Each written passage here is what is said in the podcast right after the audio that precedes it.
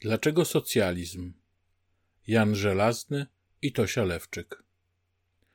Człowiek zapytany o to, z czym kojarzy mu się polityka, odpowie z telewizją, z kabaretem, czy z czymś podobnie prozaicznym i odrażającym. Nie trudno mu się dziwić, gdy polityka wielu liberalnych demokracji, stojąc na ramionach Fukuyamowskiego końca historii, ogranicza się do niesamowicie intensywnego spektaklu, dziejącego się na równie silnie ograniczonym polu dyskusji. Liberalna demokracja, będąca realnie oligarchią reprezentatywną, idąca pod ramię z kapitalizmem, wygrała historię w 1989 roku wraz z upadkiem muru berlińskiego. Dziś nikt poważny nie rozważa alternatyw dla systemu, w którym żyjemy. Jak zwykła mawiać pewna martwa wiedźma z Wysp Brytyjskich, there is no alternative. Stoimy więc na końcu historii i patrzymy bezsilnie, jak nasilające się sprzeczności kapitalizmu doprowadzają coraz większe rzesze ludzi do życia na skraju biologicznego przetrwania, przy równoczesnym, nieustannym przekazie o tym, jak to żyjemy w erze ciągłego postępu, gdzie nigdy tylu ludziom nie żyło się lepiej. Dzisiejsza polityka polega na zarządzaniu systemem traktowanym jako ten idealny, ostateczny, bez perspektyw, aby kiedykolwiek miały w nim zajść fundamentalne zmiany. Co za tym idzie, niezależnie od tego, która partia jest u władzy, wszystkie podstawowe problemy i zaprzeczenia istniejącego społeczeństwa pozostają nierozwiązane, na zawsze traktowane jako fakt natury. Ten absolutny brak krytyki i kwestionowania kapitalizmu służy tylko i wyłącznie tym, w których interesie jest podtrzymywanie tego systemu. Jednocześnie wszystkie te ugrupowania polityczne, mimo że spora część z nich otwarcie i zażarcie broni istniejącego porządku, bądź też nieporządku społecznego, spotyka się z zarzutami, jakoby ich publiczne poglądy były tylko przykrywką dla ich prawdziwej agendy, komunistycznej agendy. W 1848 manifest komunistyczny Marx i Engels rozpoczęli od zaznaczenia, że wszystkie obozy polityczne w Europie już wtedy obrzucały się oskarżeniami o komunizm. Co było ważne w tym momencie, to objaśnienie, co sami komuniści mają przez ten termin na myśli. Nic się od tego czasu w tej kwestii nie zmieniło. Podobne oskarżenia o komunizm czy socjalizm widzimy rzucane także dziś, nawet w partie konserwatywne. Nadal potrzebne jest to objaśnienie. Jako socjalistom oczywistym dla nas jest, że dążymy do określonego celu. Jednak widzimy, że w dzisiejszym ruchu socjalistycznym cel ten jest bardzo często traktowany pobieżnie, wręcz jako bezmyślny dogmat. Nie brakuje nam aktywistów, którzy definiują socjalizm po prostu jako ten realnie istniejący ruch socjalistyczny, lub cytując zniesławionego Bernsteina, cel ten, czymkolwiek on jest, jest dla mnie niczym, ruch wszystkim.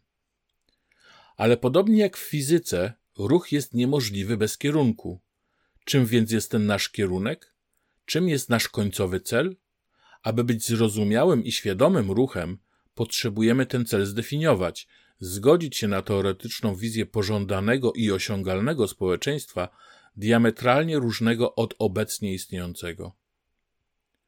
Rozważania te nie mogą być jednak tylko i wyłącznie pustym gdybaniem. Żeby nasz cel był realistyczny, musimy osadzić go w rzeczywistości, zacząć od analizy obecnego społeczeństwa i przemyśleć, jakie jego aspekty są nietrwałe, co w ogóle możemy zmienić i jakie już istniejące procesy historyczne wpływają na ten system. Jest to konieczne, ponieważ nie chcemy skończyć niczym tak zwani socjaliści utopijni XIX wieku, którzy zamiast przyglądania się temu, jak jest, rozpoczynali od rozrysowywania wielkich i szczegółowych planów na to, jak być powinno. Aby jakakolwiek dyskusja na temat metod działania, na temat akcji, w które powinniśmy się angażować, na temat etapów przejściowych albo ich braku była możliwa, potrzebujemy wyswobodzić się od tradycji wszystkich zmarłych pokoleń, ciążących jak zmora na umysłach żywych. Musimy zakwestionować i przeanalizować nasze wspólne podstawy polityki, aby dojść do wspólnego zrozumienia. Rozmowy pomiędzy różnymi odłamami ruchu socjalistycznego zbyt często rozpoczynają się od zarysowania bardzo specyficznych czy drobnostkowych kwestii, w których te odłamy się nie zgadzają, a nie od kwestii nas łączących. Kiedy ludzie nieznający wspólnego języka próbują się komunikować po raz pierwszy, nie zaczynają od zdań złożonych i skomplikowanych konstrukcji językowych. Zamiast tego wskazują na otaczające ich obiekty, uzgadniają pewne punkty odniesienia, które są zrozumiałe dla nas wszystkich.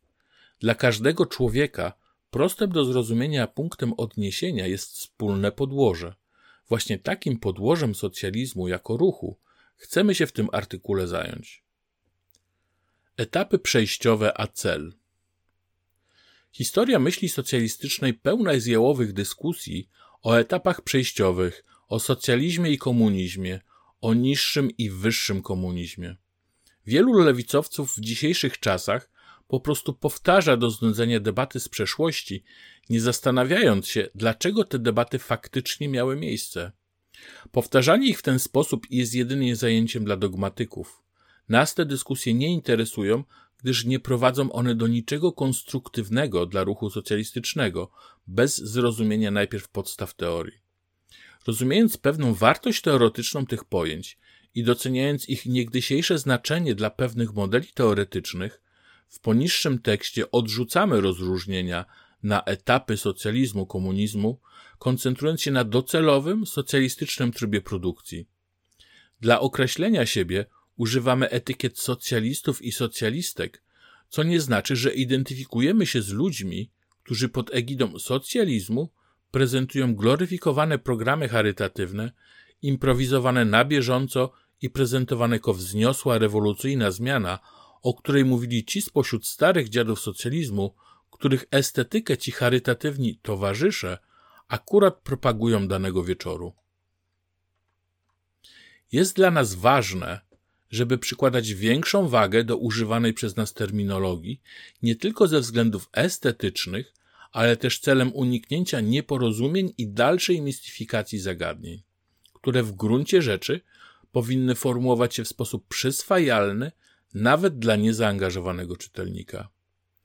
Niektórzy ludzie nazywają się dziś socjalistami, mając na myśli to, że szaremu człowiekowi powinno być trochę lżej niż ma teraz. My nazywamy się socjalistami, bo zdecydowanie dążymy do jednego celu, jakim jest ustanie kapitalizmu, nastanie socjalistycznego trybu produkcji i zniesienie klas społecznych. Jeśli nie możemy się zgodzić z socjalistami odnośnie tego celu, nie możemy się zgodzić co do podstawy, widzimy więc, że fundamentalnie nie należymy do tego samego ruchu i próba ustalenia wspólnej strategii politycznej i długoterminowe współdziałanie jest niemożliwe.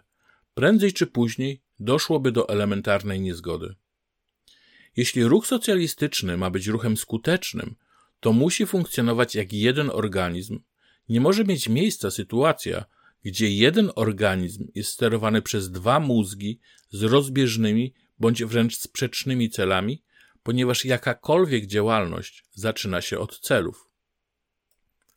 Czym są klasy w kapitalizmie? Kapitał jest pracą umarłą, która jak wampir ożywia się tylko wtedy, gdy wysysa żywą pracę, a tym więcej nabiera życia, im więcej jej wyssie. Pisał Karol Marx. Ale zostawmy jednak slogana Marksa dogmatykom, niewiele więcej im zostało. My skupimy się na jego teorii. Kapitalizm, najprościej mówiąc, to system, w którym praca ludzka organizowana jest, by maksymalizować zyski, czyli zwrot z inwestycji kapitałowych, a nie żeby bezpośrednio zaspokajać ludzkie potrzeby. Dominują go dwa obozy klasowe: obóz posiadający i obóz pracujący. W teorii marksistowskiej klasa ma inne od potocznego znaczenie. Potocznie pojmowana klasa to określenie na pozycję w społeczeństwie, podobne do rangi czy statusu. W ujęciu Marksa klasy powstają podczas podziału ludzi w ich relacji z procesem wytwórstwa oraz kluczowo ze środkami produkcji. Środki produkcji to najprościej rzecz ujmując wszystkie te techniczne i materialne obiekty niezbędne do reprodukcji całości życia społecznego. Co istotne, w tej definicji nie są to obiekty reprodukcji życia osobistego Innymi słowy, nie chodzi nam o szczoteczki do zębów, nie zamierzamy ich kolektywizować. Klasy definiują się również poprzez stosunek do innych klas. Współcześnie użyteczne jest dla nas mówienie o dwóch klasach: klasie pracującej i klasie posiadającej. Pojawiają się też pojęcia takie jak prekariat, klasa panująca, klasa menedżerska, klasa średnia, klasa średnia niższa i wyższa. Niełatwo jest się w tym odnaleźć. Historycznie wcale nie było łatwiej. Już za czasów Marksa, oprócz proletariatu i burżuazji, istniało całe spektrum innych grup różnorako klasyfikowanych społecznie, takich jak lumpenproletariat, drobna burżuazja, mieszczaństwo, posiadacze ziemscy. Moglibyśmy się tak cofać aż do czasów starożytnego Rzymu i pierwszego proletariatu, stojącego w opozycji do patrycjuszy. Ale to nie ma sensu. Na potrzeby nasze i dostosowania analizy marksistowskiej możemy operować na następującym podłożu. Klasa, jak już stwierdziliśmy, definiowana jest przez jej stosunek do innych klas oraz przez relację, jaka łączy ją ze środkami produkcji. Relacje te często wyrażone są w sposób prawny, na przykład poprzez własność środków produkcji. To patrycjusze kontrolowali latyfundia, to panowie feudalni trzymali we władaniu ziemię, którą następnie oddawali w len swoim wasalom wraz z żyjącymi tam ludźmi. To kapitaliści mają akty własności fabryk i zakładów pracy, do których dobierają sobie siłę roboczą poprzez mechanizmy rynku, który dostarcza im pracowników pod drzwi. Aktualnie nie popełnimy błędu, opisując istniejące stosunki klasowe następująco. W wyniku zjawisk opisanych poniżej, na placu boju pozostały dwie liczące się klasy: klasa pracująca i klasa posiadająca. Wszelka terminologia nawiązująca do tradycji historycznych, jak proletariat i burżuazja, czy to przerażające polskie określenie klasa robotnicza i inne im podobne określenia, zazwyczaj nie niosą ze sobą większego ładunku merytorycznego, poza puszczaniem oczka do osób już siedzących po uszy w temacie. My świadomie puszczamy to oczko, jednocześnie dbając o precyzję naszej terminologii. Przynależność do klasy posiadającej bądź pracującej jest zależna od relacji ze środkami produkcji, w kapitalizmie środków produkcji kapitału. To z nich właśnie klasa posiadająca czerpie zyski. W ich interesie leży wyciśnięcie jak najwięcej zysku przy najmniejszych kosztach. Klasa pracująca, nie mając pasywnego źródła dochodów, musi polegać na wystawianiu swoich własnych ciał, swojej siły roboczej na pastwę rynku. W interesie klasy pracującej jest zużycie jak najmniej swojej siły roboczej przy zaspokojeniu swoich potrzeb życiowych. Widzimy więc tutaj podstawową sprzeczność tego systemu. Z jednej strony, klasa robotnicza ma w swoim interesie dążyć do dalszego skracania dnia pracy i zwiększania swoich zarobków, odzyskując w ten sposób więcej swojej pracy na własny rozwój osobisty. Z drugiej strony, Klasa posiadająca będzie organizować się, lobbować i stanowić prawo na rzecz czegoś wręcz przeciwnego rozwijania metod, za pomocą których wydobywają siłę roboczą z robotników lub minimalizowania kosztów pozyskiwania tego cennego towaru. Wraz z postępem technologicznym i wzrostem wydajności pracy ludzkiej, dzięki postępowi nauki i nowym metodom, środkom organizacji pracy, te dwa obozy nieuchronnie stają wobec siebie w sprzeczności. Posiadacze próbujący czerpać większe korzyści ze wzrostu produktywności, pracownicy próbujący po prostu mieć więcej wolnego czasu na realizację własnych zamierzeń. Należy zauważyć, że nie jest to po prostu podział moralistyczny. Nie interesuje nas etyczny charakter członków klasy posiadającej. Reagują oni po prostu na swoje interesy klasowe. Gdyby tak nie było, rynek szybko dostosowałby ich warunki klasowe i materialne. Podział na te dwa obozy jest historycznie relatywną nowością. Przed nastaniem dzisiejszej globalnej dominacji kapitalizmu istniało wiele różnych klas funkcjonujących w różnorakich trybach produkcji. W Europie istniały klasy arystokracji, która dążyła głównie do akumulacji nie samego kapitału, a ziemi i przywiązanych do tej ziemi ludzi, którzy stanowili drugą klasę chłopów, można to nazwać akumulacją geopolityczną lub przestrzenną, którzy, podobnie jak dzisiejsza klasa pracująca, dążyli do zużycia jak najmniejszej siły roboczej, ale w kontraście nie byli poddawani chaosowi rynku i nie posiadali opcji jakiegokolwiek awansu społecznego, przez to w porównaniu do proletariatu nie można było polegać na ich progresywizmie politycznym. Dominacja obu wyżej przedstawionych obozów nie oznacza, że są to jedyne istniejące klasy w społeczeństwie. Użyteczność analizy klasowej do decydowania o celach politycznych, jakie wyznaczają sobie ugrupowania socjalistyczne, nie równa się łatwości wpisania w ten podział prawdziwych ludzi z krwi i kości. Zajmujemy się klasami, a nie indywidualnymi osobami. Można z dużą dozą pewności określić, jakie działania polityczne i powiązane z tym skutki ekonomiczne byłyby długoterminowo pożądane przez klasę ludzi pracujących. Próba zaś doraźnego wskazywania tym indywidualnym jednostkom, jakie powinny być ich interesy w oderwaniu od klasy, to zajęcie zakrawające o utopijną inżynierię społeczną. Próba rozszyfrowania możliwych preferencji politycznych sympatycznej koleżanki mamy, która od 30 lat prowadzi osiedlowy sklepik, jest w równym stopniu skazana na porażkę, jak próba zrozumienia podłoża inklinacji politycznych programisty zarabiającego 25 kafli miesięcznie, który dotychczas głosował na kolejne iteracje libertariańskich pseudopartyjek głoszących wolność od dróg publicznych, wieku zgody i alimentów. Dlaczego kapitalizm nie jest możliwy do utrzymania?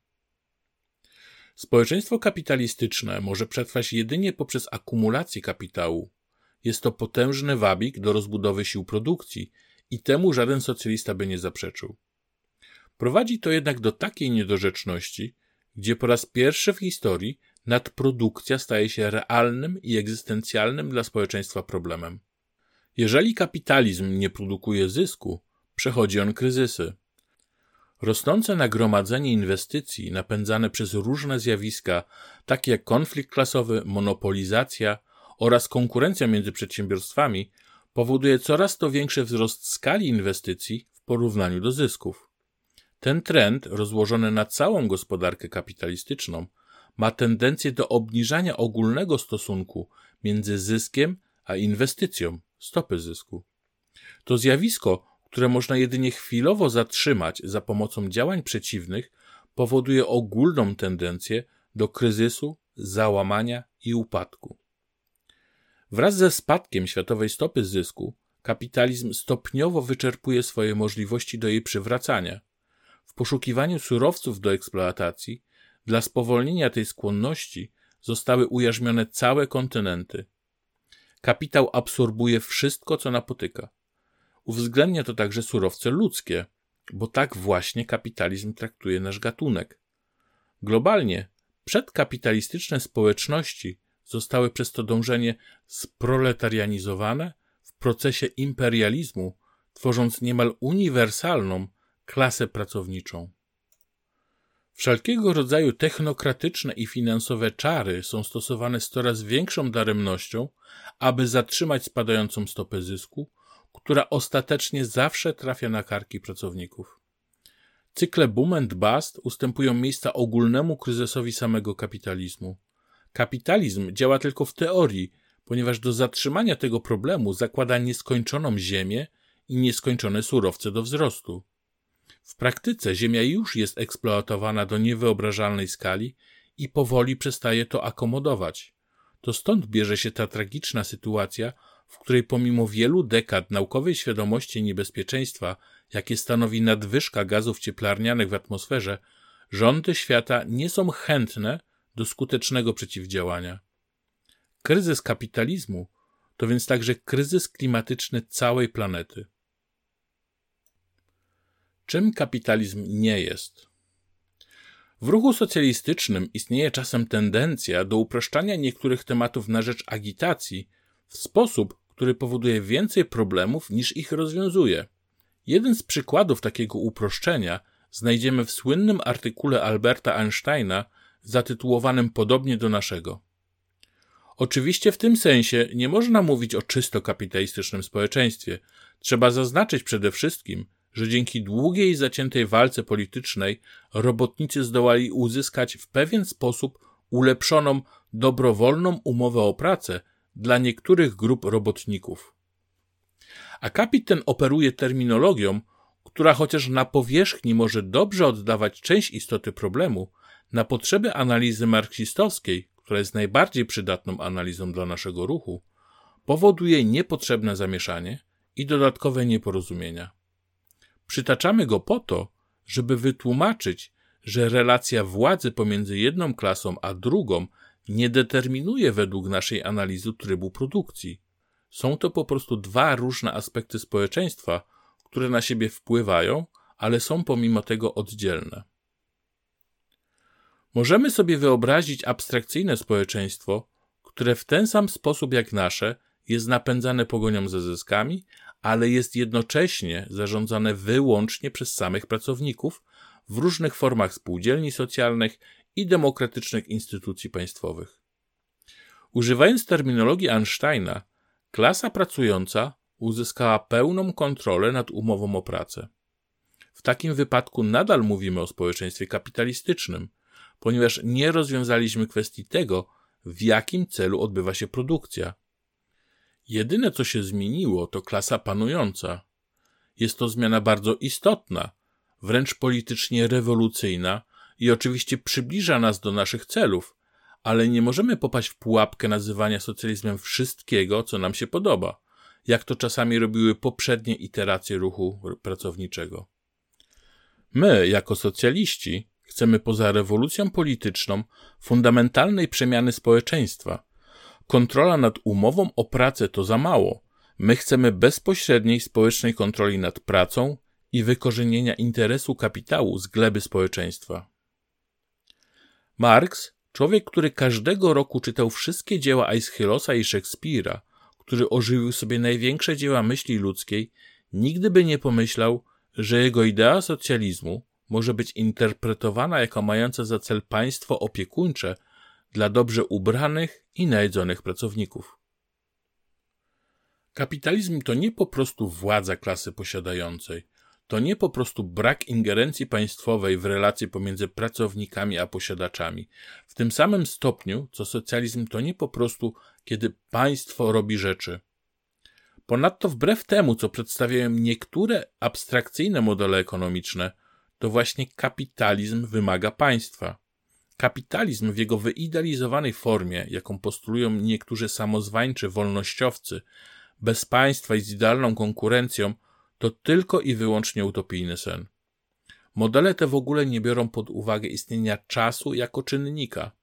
W prawdziwym świecie, kiedy jedna firma rywalizuje z drugą, któraś z nich wygrywa, a druga plajtuje. Naturalnym wynikiem konkurencji jest więc monopol. Kapitalizm jest z istoty monopolistyczny. To właśnie w tym momencie ukazuje się kapitalistyczne państwo, broniąc prawa własności klasy, która wywalczyła sobie monopol na środki produkcji. Państwo nie jest zaledwie neutralnym bytem stojącym ponad społeczeństwem, istniejącym bez żadnych konkretnych historycznych powodów. Ono samo jest produktem społeczeństwa klasowego, ponieważ powstaje z konfliktu klasowego jako moderator polityki wewnątrz społeczeństwa klasowego. Co to socjalizm? Mając za sobą najistotniejsze kwestie, których analiza pozwoliła nam wskazać na to, jakie są najbardziej fundamentalne problemy dzisiejszego społeczeństwa, możemy przejść do sformułowania prostej wizji przyszłości, w której te problemy byłyby rozwiązane. Próba konkretnego i dokładnego opisania ze szczegółami tego, jaka przyszłość pod socjalizmem miałaby być, byłaby skażona życzeniowym myśleniem i prawdopodobnie nigdy nie spełniłaby się wedle tej przepowiedni. Jednak możemy już teraz ze stanowczością podać pewne elementy tego przyszłego społeczeństwa, te, których istnienie będzie konieczne, oraz te aspekty dzisiejszego systemu, których na pewno będziemy musieli się pozbyć. W kategoriach negatywnych socjalizm można zdefiniować jako społeczeństwo bezklasowe. Klasa jest to podstawowa sprzeczność kapitalizmu i prowadzi do powstania i powielania reszty kluczowych problemów z tym systemem, takich jak istnienie państwa jako aparat władzy klasowej, czy sam sposób społecznego decydowania, co jest wartościowe, a co nie, forma wartości, która powoduje dążenie do zysków. Rozwiązanie tej kwestii jest podstawową misją ruchu socjalistycznego. Świat bez klas to świat, w którym praca nie jest rozdzielona przez przymus ekonomiczny, a przez potrzeby całego społeczeństwa, przez co nie jest przydzielana osobom ze względu na ich status społeczny czy pieniężny, lecz to, czy mogą wykonać jakąś czynność, która jest uznana jako potrzebna. Uznana przez kogo? Jako, że mówimy o społeczeństwie rzeczywiście bezklasowym, to naturalnie uznana przez całość społeczeństwa, czyli zgodnie z planem socjalnym. W rzeczywistości domena wolności nie rozpoczyna się, dopóki nie minie punkt, w którym wymagana jest praca pod przymusem konieczności i użyteczności zewnętrznej. W kategoriach pozytywnych socjalizm zakłada powstanie gospodarki centralnie planowanej, skierowanej na zaspokajanie potrzeb społeczeństwa, a nie generowaniu zysków dla wąskiej mniejszości ludzi. Uprzedzając oczywiste zarzuty, należy tutaj pamiętać, że tak jak socjalizm wymaga gospodarki centralnie planowanej, tak gospodarka centralnie planowana nie równa się socjalizmowi. Rozważmy teraz pojęcie wolności. Wolność jest dla socjalizmu pojęciem pozytywnym. Nie jest to po prostu radykalna forma indywidualizmu, wolna od wszelkich ingerencji. Forma życia, która istnieje całkowicie w ideologicznych fantazjach, pobudzana przez własność prywatną i kolonializm. Wolność oznacza spełniający sposób życia, oznacza zniesienie panowania klasy nad klasą, panowania mężczyzny nad kobietami, panowania społeczeństwa przemysłowego nad ziemią.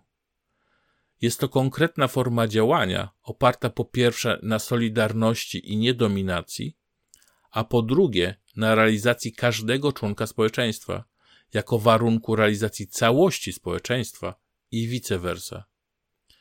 To nie jest halucynacyjna wolność obiecana przez liberałów i wolnościowców. Wolność od człowieczeństwa, wolność od społeczeństwa. Ta forma wolności jest w rzeczywistości wyrazem społeczeństwa zorganizowanego według zasad dominacji. Nie, jest to autentyczna realizacja wolnego stowarzyszenia ludzkości. Socjalizm jest zatem ostateczną doktryną wyzwolenia ludzkości z tyranii, dominacji, nudy i nędzy. Zdajemy sobie sprawę, że problematyka, jakiej się tutaj podejmujemy, stanowi temat tabu dla dużej części społeczeństwa i że poruszane przez nas terminy mogą budzić wyobraźni czytelników straszne obrazy ze zbiorowej świadomości, ukształtowanej i prawdziwymi doświadczeniami, i ideologicznymi fantazmatami. Z tego właśnie względu tak ważne jest dla nas przedstawienie naszych podstawowych postulatów w sposób jasny, a przy tym całościowy i zwięzły. Zależy nam na wskrzeszeniu wolnej i nieskrępowanej dyskusji, a to wymaga wyjścia naprzeciw i zmierzenia się z tabu, jakie przykrywa każdą rozmowę o socjalizmie w Polsce i na świecie.